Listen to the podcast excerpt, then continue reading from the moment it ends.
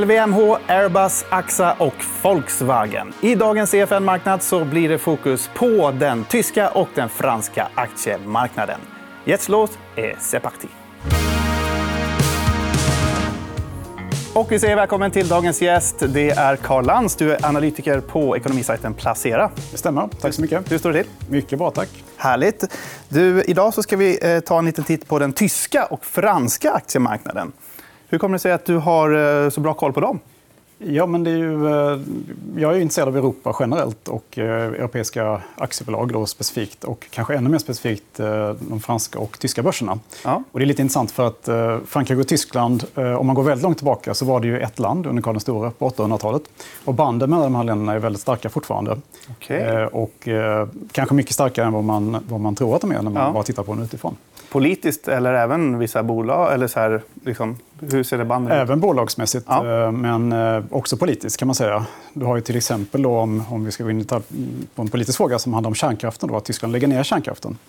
Eh, men det, Tyskland lägger ner kärnkraften för att de vet att Frankrike har väldigt, väldigt mycket kärnkraftsel. Så att man har då långa avtal med fransk kärnkraftsel istället. Så att, bara ett exempel på hur, hur djupa banden är. Och särskilt då efter andra världskriget då har de fördjupats mycket med EU. Vi ska först ta en generell titt på de här marknaderna. Vi kan börja med den franska som här illustreras av eh, CAC 40. Eh, hoppas man säger så. Ja. Eh, vilket är Frankrikes huvudsakliga aktieindex. Det består av 40 aktier som är noterade på Parisbörsen. Eh, vi ser utvecklingen här. Vad säger du om den? Eh, ja, vi ser att den har försvagats lite grann eh, efter sommaren. här. Och det beror då framförallt på att lyxbolagen har gått lite svagare. Mm. Eh, så att, men vi är uppe ungefär 6-7% på året. Just det. Eh, lite starkare än i Sverige. Alltså. För lyxbolagen utgör en stor del. Vi kan kolla på en lista över storleken då, på bolagen på Parisbörsen.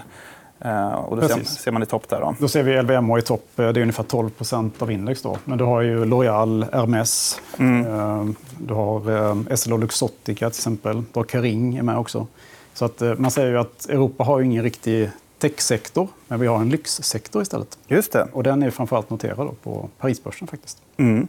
Men att de är så stora, hur går det för dem nu då när eh, konjunkturen är på väg ner och folk eh, kanske håller mer i pengarna när räntorna går upp? och så där? Man kan säga att det är lite olika. Eh, de här allra bredaste bolagen som har flera delar av lyxsektorn de märker väl av svagheter i vissa delar. Men om du tar ett bolag som Hermès till exempel, som är verkligen yppersta lyx segmentet. De märker inte av så mycket. Om vi tar ett bolag som inte är noterat här, som Ferrari till exempel. De märker inte heller av någon vikande konjunktur. För deras kunder är så otroligt köpstarka. Okej, okay. för de, de berör sig kanske inte i de samma utsträckning? Det ska, det ska gå väldigt, väldigt långt innan de berörs av det. Just det. Och så ska vi ta en titt på den tyska marknaden också. DAX 40, det tyska aktieindexet med säte i Frankfurt. Och det visar då det kapitaliserade genomsnittet av aktiekurserna för de 40 största bolagen i Tyskland. Ja, och det vi ser här då är att eh, trots att sammansättningen är ganska annorlunda av bolagen så rör de sig väldigt lika. Eh, och en faktor som ligger bakom det här det är ju att eh, både de franska lyxbolagen och de tyska biltillverkarna, biltillverkarna är väldigt stor del av tyska ja. de är väldigt exponerade mot den kinesiska marknaden. Okay. Som i sin tur också går ganska knackigt för tillfället. Just det. Ja, vi har en lista även då på uh, storleken på bolagen i Tyskland. Här ser vi då att uh, det det man brukar kalla för Europas största techbolag är det som väger tyngst, eh, nämligen SAP. Eh, det är ungefär 10% av index. Men sen därefter kommer då eh, mycket biltillverkare och kemiindustri framför allt. Som ja, också har stor exponering mot Kina. Då. Mm. Men du, låt oss zooma in på några av de här bolagen då som du har valt ut. Ehm, vi kan börja med Parisbörsen. Där har du valt ut bland annat LVMH, som vi var inne på tidigare. Det står ju för Louis Vuitton Moet Hennessy. Eh, ett av världens eh, ja, största företag inom lyxproduktbranschen. Ja, det är ungefär 75 märken idag, faktiskt, eh, lyxvarumärken. Mm. Och det är intressant hur det här uppstod. Då. Det var Bernard Arnault som ärvde sin pappas byggföretag faktiskt, på 1980-talet. Och som sen hade en idé om att jag ska använda då, göra om det här bolaget till ett, ett lyxkonglomerat istället. Så att successivt köpa upp lyxmärken. Mm. Eh, och det har varit väldigt, väldigt framgångsrikt kan man säga. Eh, det som händer just nu då är ju att eh, man, man har haft en otrolig högkonjunktur under lång tid. Och det börjar märka av en avmattning i takt med räntehöjningarna. Särskilt i USA märker man av en avmattning. Man växer i princip ingenting i USA. Nej. Och, samtidigt går ju då Kina, där tillväxten normalt sett har varit starkast, då, där, växer man inte lika starkt längre. Nej. Och särskilt svagt går ju då den delen som eh, säljer alkohol för LVM just nu. Så att eh, man börjar märka konjunkturavmattning och det har ju också speglats i aktiekursen här de senaste månaderna faktiskt. Mm.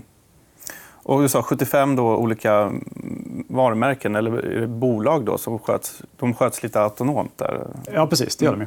Eh, sen har man ju en... Eh, man, man, går in och styr dem och... Eh, eh alltså, man, man, ungefär som ett riskkapitalbolag gör. Eh, att man hittar nya försäljningskanaler och eh, jobbar med prishöjningar och gör dem mer exklusiva. Då. Mm. Du ser nu till exempel när, när LVMHs riskkapitalbolag gick in i Birkenstock som tillverkar då sandaler i Tyskland. Det är då sandaler som inte är så jätte, eller normalt sett inte har setts som något modemärke egentligen eh, tidigare. Men nu jobbar man då med att göra det mycket mer exklusivt okay. och bära de här sandalerna. Mm. Och det har man då gjort med massa olika typer av märken. Till exempel Remova är ett sånt märke som man har jobbat med de sista 15 åren. som tillverkar väskor. Då. Mm. Okay. och höjt priserna ganska mycket. Ja. Mm. Vi kan gå vidare. Du har också valt flygplanstillverkaren Airbus. Eh, också på Parisbörsen. Vad säger du om det bolaget? Ja, men Airbus är väldigt intressant för att det har, eh, de har så enormt stor orderbok. Eh, de har över 8 000 plan då på order. Så att om du kommer till Airbus nu som flygbolag och säger att jag vill ha en A350, till exempel en widebody plan, då får du vänta till en bra bit in på 2030-talet. Okay. Och det är för att man har efter pandemin. Man drog ner produktionen väldigt mycket i samband med pandemin och man har inte lyckats eh, dra igång produktionen igen i den omfattning som man vill. Då. Mm. Är det därför kursen har gått så pass bra senaste året? Här? Ja, det är det ju. Eh, och sen en annan sak som gynnar då Airbus är ju att eh, Boeing går väldigt, eller har haft problem med eh, kvaliteten då på sina flygplan. Mm. Både 737 Max och eh, 787 Dreamliner. Då. Och särskilt den här 73 Max hade ju två stycken haverier då, som var väldigt, i samband med att den släpptes, modellen. Och den fick till och med stanna på, på marken då ett par år för att få nya certifieringar. Och så. Just det. det var ju inte kvalitetsproblem då i första hand, men det har ändå dragit ner Boeings attraktivitet lite grann. Och, och aktiekurs kanske? Och aktiekurs också, såklart. Ja. Mm. Men eh, Airbus ser ju väldigt, väldigt bra ut. Eh, som sagt, fylla orderböcker fram till 2030-talet. Då. Eh, och sen eh, någonstans 2035 har man någon målbild att man ska komma med vätgasdrivna flygplan. Eh, det kanske är lite tidigt. Eh, det får vi väl se. Det brukar alltid vara lite för optimistiskt, sådana prognoser. Okay. Men då, då, då, då, pratar vi alltså om ett, ett, om man då kan tanka dem med grön vätgas, då har vi alltså ett flyg som inte släpper ut någon koldioxid. Ja. Är det flygplanens svar på elbilar? Det skulle man kunna säga faktiskt. Eh, och I övergångsperioden då så kommer man att jobba med något som heter eh, SAF, eh, Sustainable Aviation Fuel. Som då, där man blandar in då grönt flygbränsle i, mm. i planen och, och gör det lite miljövänligare mm. att flyga. Men du sa att under pandemin så hade de dragit ner på verksamheten och hade inte riktigt kunnat få igång den på samma sätt efteråt. Ja, det är att de flygplan har så enormt, det är så enormt många delar till flygplan och de har så enormt många underleverantörer. Så de här leveranskedjorna kollapsade ju då i princip i samband med mm. pandemin. Och att bara bygga upp det igen, det har man faktiskt inte lyckats med ännu. Utan ja, okay. man, man vill komma upp i 70, ungefär 75 plan per månad. Ja. Nu ligger man någonstans kanske runt 50-60. Jag tänker att orderstocken ändå är så pass stor här nu så att det kanske finns en idé att satsa på att bygga upp. Ja, man försöker med alla medel tror jag att ja. få upp igång det här. Men nu är planen någonstans 2025, 2026 då, att man kan ska upp i det här. Mm. Men det är så långa ledtider helt enkelt. Vi kan ta det eh, sista bolaget som du har valt här från Parisbörsen. Det är AXA. Och det är inte det svenska varumärket ägt av Lantmännen här utan eh, ett franskt multinationellt försäkrings och investmentbolag. Exakt. Det som är intressant med AXA det är en sån typisk vad ska säga, utdelningsaktie. Då. Ehm, det som är intressant med AXA just nu det är ju att man har renodlat verksamheten. Man har sålt av mindre lönsamma delar i Asien och eh, Östeuropa. Ehm, och eh, framförallt är det olycksfallsförsäkringar och livförsäkringar då man säljer. Ehm, och man har fått igenom prishöjningar senaste året. Mm. Samtidigt då så handlas man eh, till rabatt jämfört med tyska Allians. Då, som, det är antingen AXA eller Allians som är Europas största försäkringsbolag. Just nu tror jag det är Allians som är störst med, med lite marginal. Eh, och sen har vi Zürich också då, eh, som konkurrerar mot eh, på schweiziska börsen. Mm. Eh, Men vad, delar de ut då ungefär? Jag tyckte aktiekursen är de har lite sidled här. nu har de ungefär en direktavkastning på 6 Ja, Så att, eh, det är en hög direktavkastning. Eh. Plus att då värderingen är lägre än eh, konkurrenterna. Eh, Så att, eh, vad ska man säga, det här är ett klassiskt eh, ett bolag som ska ligga i en utdelningsportfölj. Eh, Mm. Och med tiden då kanske värderingen kommer, kom- kommer ikapp Allians eller, och eller Zürich. Då. Mm. All right. eh, ska vi ta och titta på eh, den tyska marknaden, då, lite specifika bolag där som du har va- valt ut. Eh, det handlar om Frankfurtbörsen. Vi börjar med Münchener Rück, eller vad är hela namnet? Münchner Rückversicherungsgesellschaft. Eh, Precis så. Det här är då världens största återförsäkringsbolag.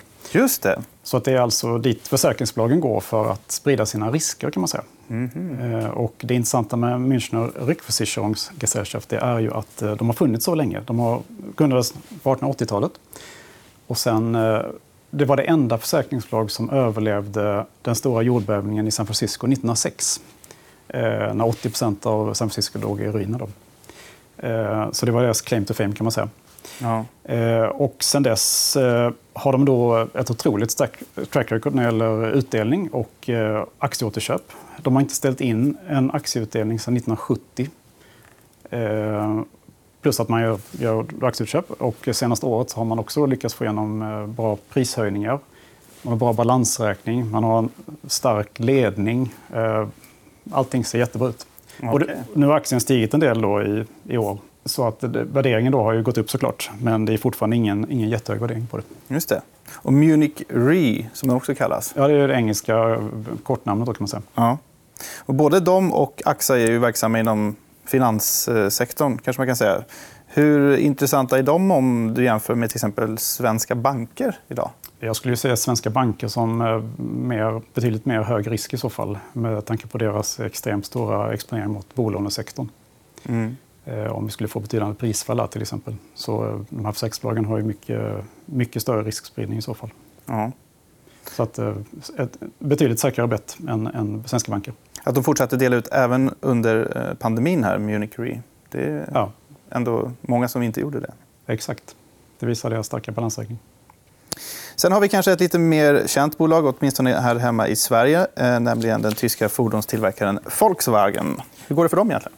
Eh, Det går eh, lite hackigt för dem. man Neråt, säga. ser man här, Ja, eh, de har ju straffats något enormt då på börsen. Ehm, Och eh, aktien handlas till P 3,4 tror jag, det var det senaste.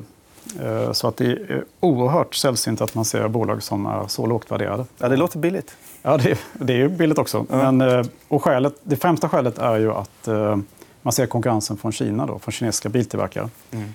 Inte bara i Kina, utan även att de kommer till Europa då, och ska konkurrera ut Volkswagens märken här. Mm. Sen har ju Volkswagen ungefär 40 av omsättning i Kina. Och även där utmanas man ju då, eh, kraftfullt av, av de inhemska tillverkarna. Men det är 100 elbilar som gäller? Då. Nu är det elbilar som gäller. Eh, och- Men om man kollar på exempel Volkswagens nio månadersrapport här så är det ungefär 10% av försäljningen är då elbilar. Eh, Så det, det är fortfarande inte så där jättemycket. Men man kan då, om man kollar lite på värderingen här, eh, 3,5 då är ju enormt lågt. De, så här, snittvärderingen är, ju- brukar vara P15 ungefär på, på de här börserna. Mm. Eh, och, eh, samtidigt så äger ju eh, Volkswagen väldigt eh, fina märken. De äger till exempel 75% fortfarande av Porsche som i sin tur värderas till över 30 miljarder euro. Och hela Volkswagen värderas till ungefär 50 miljarder euro nu. Eh, och sen eh, i 100% ägo äger de Lamborghini och Ducati. De har Maserati. De har ju massa väldigt fina lyxvarumärken. Plus då att de har det egna varumärket Volkswagen. Då, och, Mm. Skoda och Audi. Eh, Så frågan är om det inte ändå är för lågt det där. Eh, Jag skulle nog tycka att det börjar närma sig ett, ett bra köpläge i Volkswagen faktiskt. Mm. På 3,- P 3,5, även med konkurrensen från Kina. Då. Marknaden har varit lite väl Lite väl tuff faktiskt. Ja. ja, men eh, kanske köpläge där helt enkelt. Eh, vi ska ta avsluta med den tyska försvarskoncernen Rheinmetall.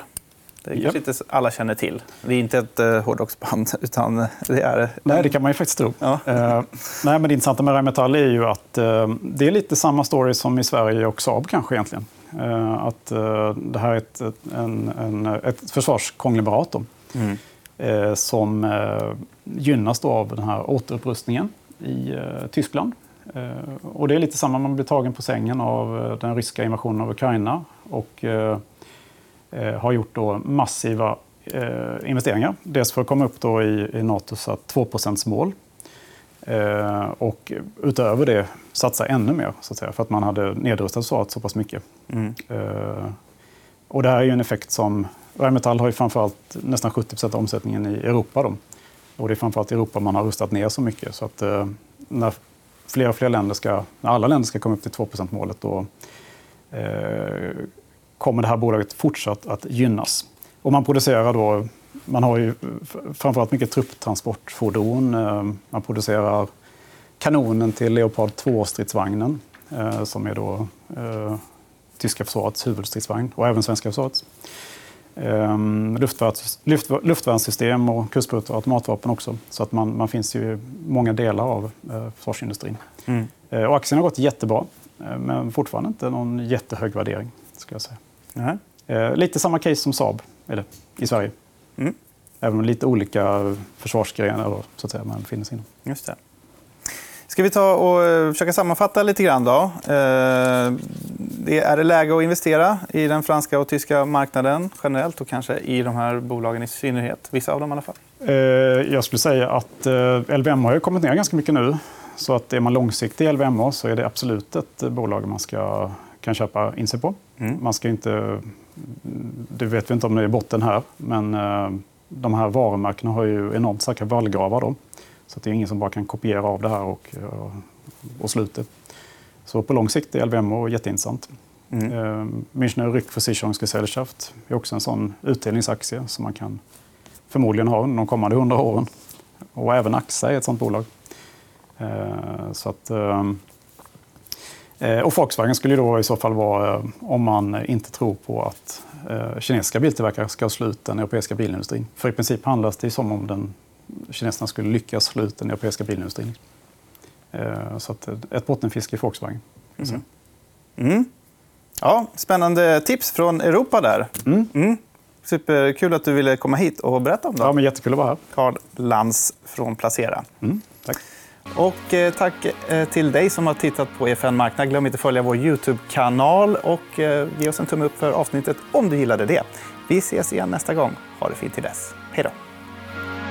Du har lyssnat på EFN Marknad, en podd som produceras av EFN Ekonomikanalen. Du hittar programmet även i videoformat på Youtube och på efn.se. Kom ihåg att prenumerera på podden och följ oss gärna på Instagram för fler aktietips. Där heter vi EFN Aktiekoll. Ansvarig utgivare är Anna Fagerström.